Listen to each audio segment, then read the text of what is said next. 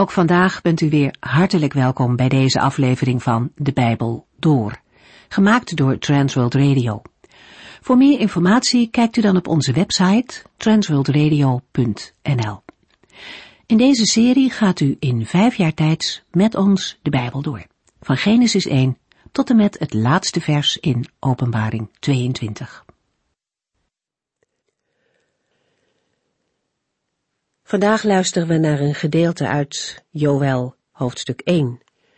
In een paar regels schetst de profeet daar de verwoestende werking van een grote sprinkhanenplaag.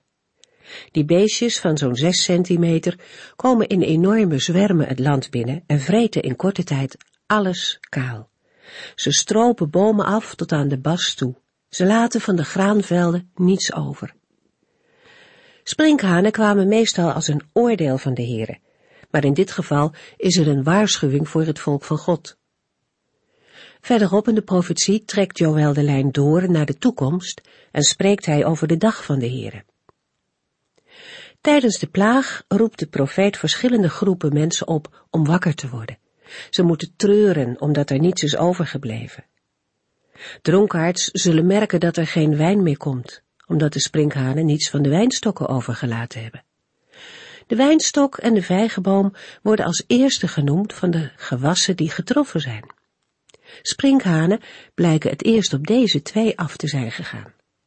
En juist die wijnstokken en vijgenbomen waren het symbool voor rust en vrede in Israël. Dan gaat de profeet verder met de beschrijving van een bruid, die diep bedroefd is omdat haar bruidegom is gestorven. Het is een beeld van Juda dat de gemeenschap met de Here moet missen. Joël roept het volk op om net als die bruid te huilen en rouw te bedrijven om het gemis. Ook de tempeldienst komt tot stilstand. Er is immers niks meer om te offeren en de priesters lijden ook honger. Behalve met die sprinkhanenplaag heeft het land ook nog eens te maken met een langdurige droogte. Alle bronnen van levensonderhoud en vreugde zijn opgedroogd. Joël laat zien dat het niet zomaar iets van de natuur is, maar dat Gods hand hierachter zichtbaar is. Hij roept het volk op om terug te keren naar de bron van hun leven, naar de Heere zelf. Laten we verder lezen uit Joel 1 vanaf vers 13. De vorige uitzending sloten we af met onderwijs uit Jesaja 58 over het vasten dat goed is in de ogen van de Heere. Dit naar aanleiding van Joel 1 vers 13 en 14. Priesters, trek uw rouwkleding aan. Dienaren van mijn God, ga de hele nacht huilend voor het altaar op de grond liggen. Want er zijn geen graanoffers en geen sprenkeloffers meer voor u overgebleven. Roep een heilige vaste tijd uit. Houd een plechtige bijeenkomst. Verzamel de leiders en de hele bevolking in de tempel van de Heere uw God en roep hem aan. Het vaste was bedoeld om de nood waarin het volk verkeerde bij de Here te brengen, om hun stem in de hoge te doen horen, opdat de rampen zouden worden afgewend. Op een dag van vasten lag al het werk stil en gingen alle mensen naar de tempel voor een plechtige bijeenkomst. Joel 1 vers 15 Pas op, die vreselijke dag van de Here komt dichterbij. De Almachtige stuurt bijna zijn verwoesting.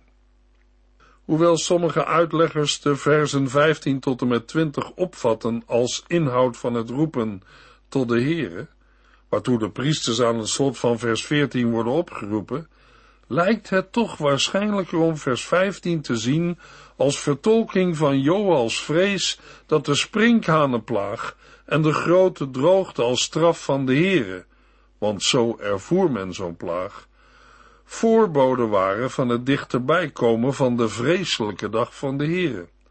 De dag waarop de Heere definitief zijn eind gericht zou houden. Over die vreselijke dag van de Heere die dichterbij komt, lezen we meer in Amos 5, vers 18 tot en met 20, waar we lezen. U zegt, kwam de dag van de Heere maar, want dan zou God ons van al onze tegenstanders bevrijden. Maar u hebt geen idee wat u vraagt, want die dag zal geen licht en voorspoed, maar duisternis en vervloeking brengen. Wat zal die duisternis vreselijk voor u zijn? Er zal geen straaltje vreugde of hoop te bespeuren zijn. Op die dag zult u zijn als een man die wordt achtervolgd door een leeuw en op zijn vlucht een beer ontmoet, of als een man in een donkere kamer die tegen een muur leunt en dan zijn hand op een slang laat rusten. Ja, de dag van de Heere zal een donkere en uitzichtloze dag voor u zijn. Joel zegt, pas op, die vreselijke dag van de Heere komt dichterbij. De Almachtige stuurt bijna zijn verwoesting. De dag van de Heere, als een verwoesting van de Almachtige. De woorden van Joel in vers 15 staan tussen het gejammer over de sprinkhanenplaag in de versen 5 tot en met 14 en de klacht over de gevolgen van een grote droogte in de versen 16 tot en met 20. In vers 15 horen we dat het nog erger kan en dat er nog zwaardere tijden dichterbij komen. Joel ziet met profetisch oog wat als een verwoestende dreiging van de Almachtige boven het hoofd van Juda hangt, de vreselijke dag van de Heere. In Joel 2 wordt over die dag uitgebreid gesproken. Daarom komen we er bij de bespreking van dat hoofdstuk wel op terug. Nu alleen het volgende. De dag van de Heere is het centrale thema van de profeet Joel en een steeds terugkerend motief in de prediking van de profeten in het algemeen. Met de woorden de dag van de Heere wordt de dag bedoeld waarop de Heere komt om het eindgericht te voltrekken, de oordeelsdag waarop de Heer in de wereld voor goed recht zal doen. Dan zal van al het onrecht rekenschap worden gevraagd en zal al het onrecht door de Heere worden vereffend. Het is de dag die in zijn volle vervulling zal aanbreken op de dag van de wederkomst van de Heer Jezus Christus. Dan zal hij komen om zich met de zijnen te verenigen, als ook om te oordelen de levenden en de doden. In Joel 1 vers 15 zegt de profeet Joel, de gebeurtenissen en oordelen van onze dagen zijn nog maar kinderspel, vergeleken bij wat er gebeurt als die vreselijke dag van de Heere aanbreekt. Maar die gebeurtenissen zijn tegelijk voorboden, tekenen van de grote dag van Gods toorn. Daar ligt nu ook de lijn naar vandaag. Wij kennen maar al te goed de grote rampen en verschrikkelijke gebeurtenissen die er in een steeds hoger tempo in de wereld gebeuren. Berichten over grote droogte en overstromingen, over hongersnoden en de ellende die er de gevolgen van zijn. Zij horen bijna dagelijks tot het nieuws van de dag. Maar wat doen wij ermee? Natuurlijk moeten wij de getroffenen helpen en bijstaan waar we kunnen, maar daar kan het niet bij blijven. Zien we achter de genoemde gebeurtenissen ook de hand van de Heere? Bijvoorbeeld, zijn natuurrampen niet meer dan toevalligheden? Dingen die kunnen gebeuren, maar wij mensen niet in de hand hebben? Is het ook mogelijk dat de Heere door een natuurramp ons mensen wil bepalen bij Hem, de Almachtige die regeert en voor wie wij ontzag moeten hebben? De Heere toont zijn almacht en grote kracht in de natuur, maar niet in de zin van wie erdoor wordt getroffen deugt niet en aan wie het voorbij gaat, die is goed. Zo wordt er wel door mensen gedacht, maar dat lezen we niet in de Bijbel. Trouwens, wij moeten nooit vergeten dat ook gelovigen onder bijvoorbeeld natuurrampen hebben geleden. Als de Heere zijn volk moest opzoeken met straffen om hen tot inkeer te brengen. Ook andersom is het geval. Als de Heere zijn volk zegende, profiteerden ook de mensen die zonder de Heere leefden van zijn zegeningen. Immers, hij laat zijn zon opgaan over rechtvaardigen en onrechtvaardigen. Ook in het Nieuwe Testament lezen we over rampen waardoor mensen in de tijd van de Heer Jezus werden getroffen. Laten we luisteren naar het onderwijs over deze dingen dat de heiland geeft in Lucas 13 vers 1 tot en met 5. In diezelfde tijd hoorde Jezus dat Pilatus een paar Joden uit Galilea had laten doden, terwijl ze in de tempel van Jeruzalem hun offers brachten. Denkt u dat zij slechter waren dan de andere mensen uit Galilea vanwege hetgeen hun is overkomen? vroeg hij. Nee, zeg ik u, maar het zal met u allemaal net zo slecht aflopen als u niet gaat leven zoals God wil. En de achttien mannen die verongelukten toen de toren van Siloam op hen viel, waren die soms slechter dan de anderen in Jeruzalem? Nee, als u niet gaat leven zoals God wil, loopt het met u net zo slecht af. Wat gebeurt er in Lucas 13? Een aantal mensen meldden Jezus een gruwelijke daad van stadhouder Pilatus. Ze deden dat terwijl de Heer Jezus met het volk sprak over het verstaan van de tekenen destijds. Om dat aan te geven begint Lucas hoofdstuk 13 met de tijdsaanduiding in diezelfde tijd.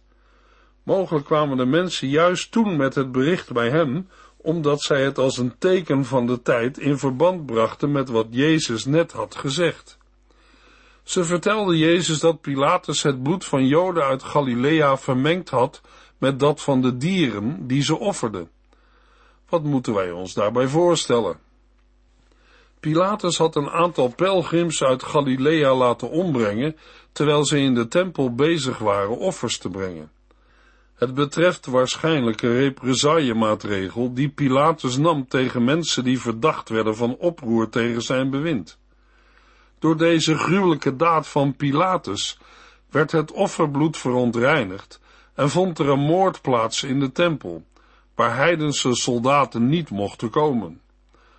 Op meerdere manieren was de heiligheid van de tempel onteerd. Waarschijnlijk heeft het gruwelijke voorval zich afgespeeld tijdens het Joodse paasfeest. Dan mochten de Joden namelijk zelf dieren offeren in de tempel. Jezus beantwoordde het bericht over de gruweldaad van Pilatus door een vraag te stellen. Hij vraagt, denkt u dat zij slechter waren dan de andere mensen uit Galilea vanwege hetgeen hun is overkomen? Met deze vraag zinspeelde Jezus op de in die dagen door de fariseeën gehuldigde vergeldingsleer. Deze leer hield in dat alles wat iemand overkwam door de fariseeën gezien werd als een direct gevolg van begane zonden. Dat gold zeker als iemand getroffen werd door een bijzondere ramp. Met betrekking tot het gruwelijke verhaal dat Jezus was verteld, moet dat tot de conclusie leiden dat God deze Joden uit Galilea met de dood had gestraft, omdat zij grotere zondaars waren dan alle andere bewoners van die streek. De Heer Jezus zelf geeft met nadruk een ontkennend antwoord. Daarmee wijst hij de vergeldingsleer van de fariseeën radicaal af. Het gewicht van iemands zonde moet niet worden afgemeten aan zijn omstandigheden. Als een mens dat wel doet, dan wordt niet begrepen dat in die gebeurtenis voor iedereen een waarschuwing ligt opgesloten. Als we alles wat er in de wereld om ons heen aan rampen en ellende gebeurt, nu eens in het licht van deze verse overdenken en bekijken, dan kunnen we de oproep van de Heer Jezus mogelijk beter begrijpen. Hij zegt, als u niet gaat leven zoals God wil, loopt het met u net zo slecht af. De heiland vraagt ook vandaag aan ons, met wat voor gruwelijke gebeurtenis we ook bij hem komen. Denkt u dat zij, de mensen die door de ramp getroffen werden, slechter waren dan de andere mensen, vanwege hetgeen hun is overkomen? De Heer Jezus zegt, nee, maar het zal met u allen net zo slecht aflopen als u niet gaat leven zoals God wil. En de achttien mannen die verongelukten toen de toren van Siloam op hen viel, waren die soms slechter dan de andere mensen in Jeruzalem? Jezus zegt, nee, maar als u niet gaat leven zoals God wil, loopt het met u net zo slecht af. Zijn deze woorden een bedreiging? Nee hoor, maar een in liefde gegeven waarschuwing van de Heere voor u, jou en mij, om ernst te maken met zijn boodschap en naar zijn woord te luisteren. Paulus schrijft in 1 Corinthiërs 1 vers 6 tot en met 8, want wat wij u over Christus hebben verteld, is ook in uw leven bevestigd, zozeer dat het u aan geen enkele gave ontbreekt. Daarbij kijkt u ook met spanning uit naar de terugkomst van de Heer Jezus Christus. Hij zal u tot het einde toe staande houden, zodat er op zijn grote dag niets op u zal zijn aan te merken. En aan de gelovigen te Filippi schrijft Paulus in Filippenzen 1 vers 6 Ik ben er zeker van dat God op de grote dag van Christus Jezus het goede werk dat hij onder u begonnen is, zal voltooien. Wat kunnen wij hieruit leren? De gebeurtenissen in de schepping zijn een van de tekenen der tijden. Het zijn oordelen die een voorbode zijn van de vreselijke dag van de Heere. Het is niet toevallig dat in openbaring 9 bij het klinken van de bazuin van de vijfde engel ook sprake is van een sprinkhanenplaag, waarin wij ook de beschrijving van de profeet Joël herkennen. We lezen verder in het Bijbelboek Joël. Joël 1 vers 16. Ons voedsel zal voor onze ogen verdwijnen. Alle vertoon van blijdschap en vreugde in de tempel van God zal tot het verleden behoren. Had Joël al in de verse 10 tot en met 12 gewezen op de grote droogte, die met de sprinkhanenplaag gepaard ging, en dat deze droogte ook alle blijdschap onder de mensen onmogelijk maakte? Vanaf vers 16 valt alle nadruk op die droogte. Het verdwijnen van alle voedsel en daarmee van alle blijde dankbaarheid om Gods goede gaven van het land, waarmee de Israëlieten de Heer in de tempel kwamen danken, zal tot het verleden behoren. Het verdwijnen van al het voedsel kan zowel aan de sprinkhanen als aan de droogte worden toegeschreven. Joel 1 vers 17 Het zaad ligt in de grond te verschrompelen. De voorraadschuren en graanopslagplaatsen zijn leeg en het koren op het veld is verdroogd. In vers 17 worden de gevolgen van de grote droogte nader beschreven.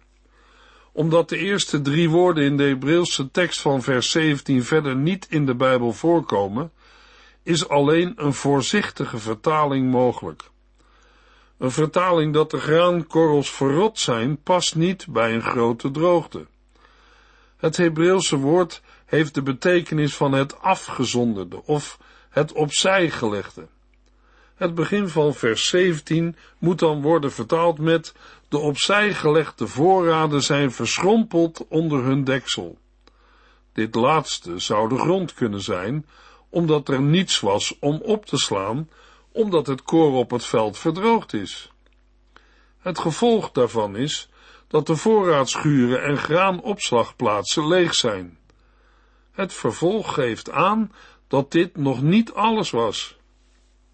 Joel 1 vers 18 Hoor het vee eens jammeren van de honger. Kudden runderen dwalen rond, maar vinden nergens een weide. Zelfs de schapen hebben zwaar te lijden. De versen 18 en 20 geven aan dat zelfs de dieren, het vee en de wilde dieren, van de verschrikkelijke droogte te lijden hebben. Ook zij worden mee betrokken in het oordeel over de mensen. Ook de profeet Hosea wijst op dit effect als hij de Israëlieten wijst op hun schuld in Hosea 4 vers 1 tot en met 3. Israëlieten, luister naar de woorden van de Heere, want de Heere heeft een proces aangespannen tegen u als bewoners van dit land. Zijn aanklacht luidt, er is geen trouw, liefde of kennis van God in uw land. Vloeken, liegen, moorden, stelen en echtbreken is aan de orde van de dag. Overal wordt geweld gepleegd. Het ene bloedbad volgt op het andere. Daarom ligt het land er treurig bij en kwijnen alle levende wezens erin weg. De wilde dieren, de vogels en zelfs de vissen beginnen te verdwijnen. Joel zegt, de kudden runderen zwerven kreunend rond en zoeken vergeefs naar voedsel. Zelfs schapen, die zich in leven weten te houden met een paar sprietjes die tussen stenen en dorre grond groeien, hebben zwaar te lijden. Vers 18 tekent de situatie en het lot van het vee op de boerderijen. De gelezen versen doen denken aan de woorden van Paulus in Romeinen 8, vers 19 tot en met 22, waar we lezen. De schepping ziet verlangend uit naar het moment waarop zal blijken wie de kinderen van God zijn. De hele schepping is namelijk onderworpen aan dood en verval, hoewel niet uit eigen vrije wil. God heeft dat gedaan als gevolg van de zonde, maar er is hoop. Ook de schepping zal bevrijd worden uit de macht van dood en verval en dezelfde heerlijke vrijheid krijgen als de kinderen van God. Wij weten dat de hele schepping in afwachting van dat grote moment nog altijd zucht en kreunt als een vrouw die moet baren. De schepping zucht onder de straf en de gevolgen van de zonde. Dat deed ze toen, dat doet ze vandaag des te meer, als gevolg van ons menselijk handelen. De vraag aan ons is, zien wij de tekenen van de grote dag van de Heere? Horen wij het zuchten van de schepping? Dat zijn de vragen die vanuit de profetie van Joël aan ons worden gesteld. Joël 1 vers 19 Heere, help ons. Door de verzengende hitte zijn alle weiden vergeeld en alle bomen verschroeid. Luisteraar, het antwoord op de vragen die we bij vers 18 stelden, lezen we in vers 19. Het enige goede antwoord is, tot u, o Heere, roep ik, of Heere, help ons. In de versen 13 en 14 heeft Joel de priesters en het volk opgeroepen om tot de Heere te gaan en hem aan te roepen in de nood. De profeet heeft daarbij aangegeven dat het volk nederig en met verootmoediging tot God moet naderen. De priesters, de dienaren van het altaar, moeten het volk daarbij voorgaan. Dat ligt voor de hand, want zij staan in de dienst van de verzoening tussen de Heer en zijn volk in. Zij moeten het volk bijeenroepen in het huis van de Heer in de tempel, op de plaats waar het altaar staat. Het altaar dat spreekt van verzoening met God op grond van bloedstorting. Zij moeten daar samenkomen in rouwkleren als teken van berouw over hun zonden. Zij moeten een vaste uitroepen waarmee het volk beleidt dat zij schuldig zijn en vragen of de Heere wil vergeven, genadig wil zijn en wil helpen. Daarmee laten ze zien dat de diepste nood niet meer de sprinkhanen, de droogte en de honger zijn, maar de diepste nood wordt dan, lazen we in vers 13, dat de Heere niet ontvangt waar hij recht op heeft. Mogelijk dat iemand vraagt, help bidden wel in zulke situaties? Ja, want de profeet Joel laat de oproep in de versen 13 en 14 niet zomaar uitgaan. En hij geeft niet voor niets in vers 19 zelf het voorbeeld door te bidden, Heere, help ons. De sprinkhanen en de grote droogte zijn waarschuwingssignalen, tekenen, signalen die willen wakker schudden en tot bekering en verandering oproepen. Maar hoe reageren wij mensen op Gods waarschuwingen? In het laatste Bijbelboek Openbaring lezen we regelmatig ik heb haar de tijd gegeven om zich te bekeren van haar ontucht, maar zij wil niet. En in Openbaring 9, vers 20 en 21 lezen we, maar de mensen die niet bij de rampen waren omgekomen, wilden hun oude manier van leven niet opgeven. Ze bleven doorgaan met het aanbidden van boze geesten en afgoden. Goden die zij zelf van goud, zilver, brons, steen en hout hadden gemaakt goden die niet konden zien, horen of lopen. Ze wilden ook niet ophouden met hun moordpartijen, hun toverij, hun overspel en diefstallen. Ten slotte een laatste voorbeeld uit Openbaring 16, vers 9.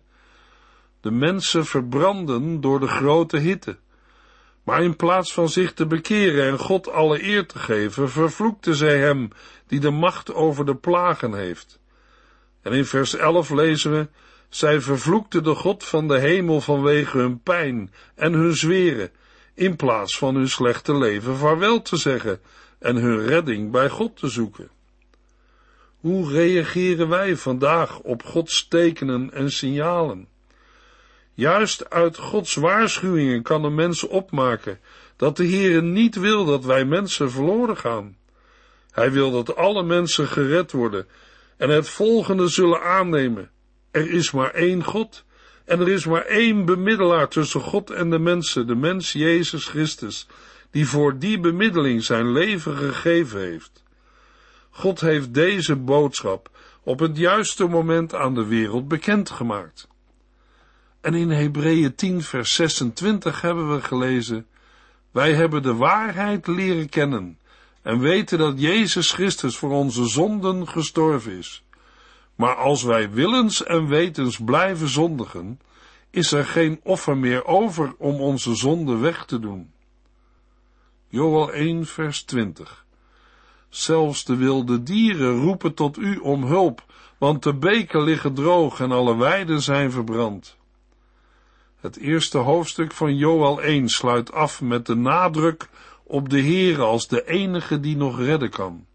Alles is vernietigd. Zelfs de wilde dieren roepen tot u om hulp. In de volgende uitzending lezen we Joel 2 vers 1 tot en met 4. U heeft geluisterd naar De Bijbel Door, in het Nederlands vertaald en bewerkt door Transworld Radio. Een programma waarin we in vijf jaar tijd de hele Bijbel doorgaan. Als u wilt reageren op deze uitzending of u heeft vragen, dan kunt u contact met ons opnemen.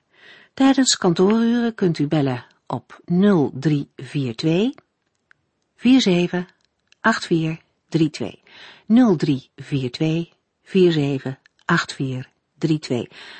Ook kunt u een e-mail sturen naar de Bijbel door at transworldradio.nl en natuurlijk kunt u ook via de post ons bereiken. TWR, postbus 371, postcode 3770, AJ in Barneveld. Dit programma werd gepresenteerd door Cor Weda en Ike André. Techniek was in handen van Odin van Voerkom. En wij allemaal bedanken u voor het luisteren. Graag tot de volgende keer.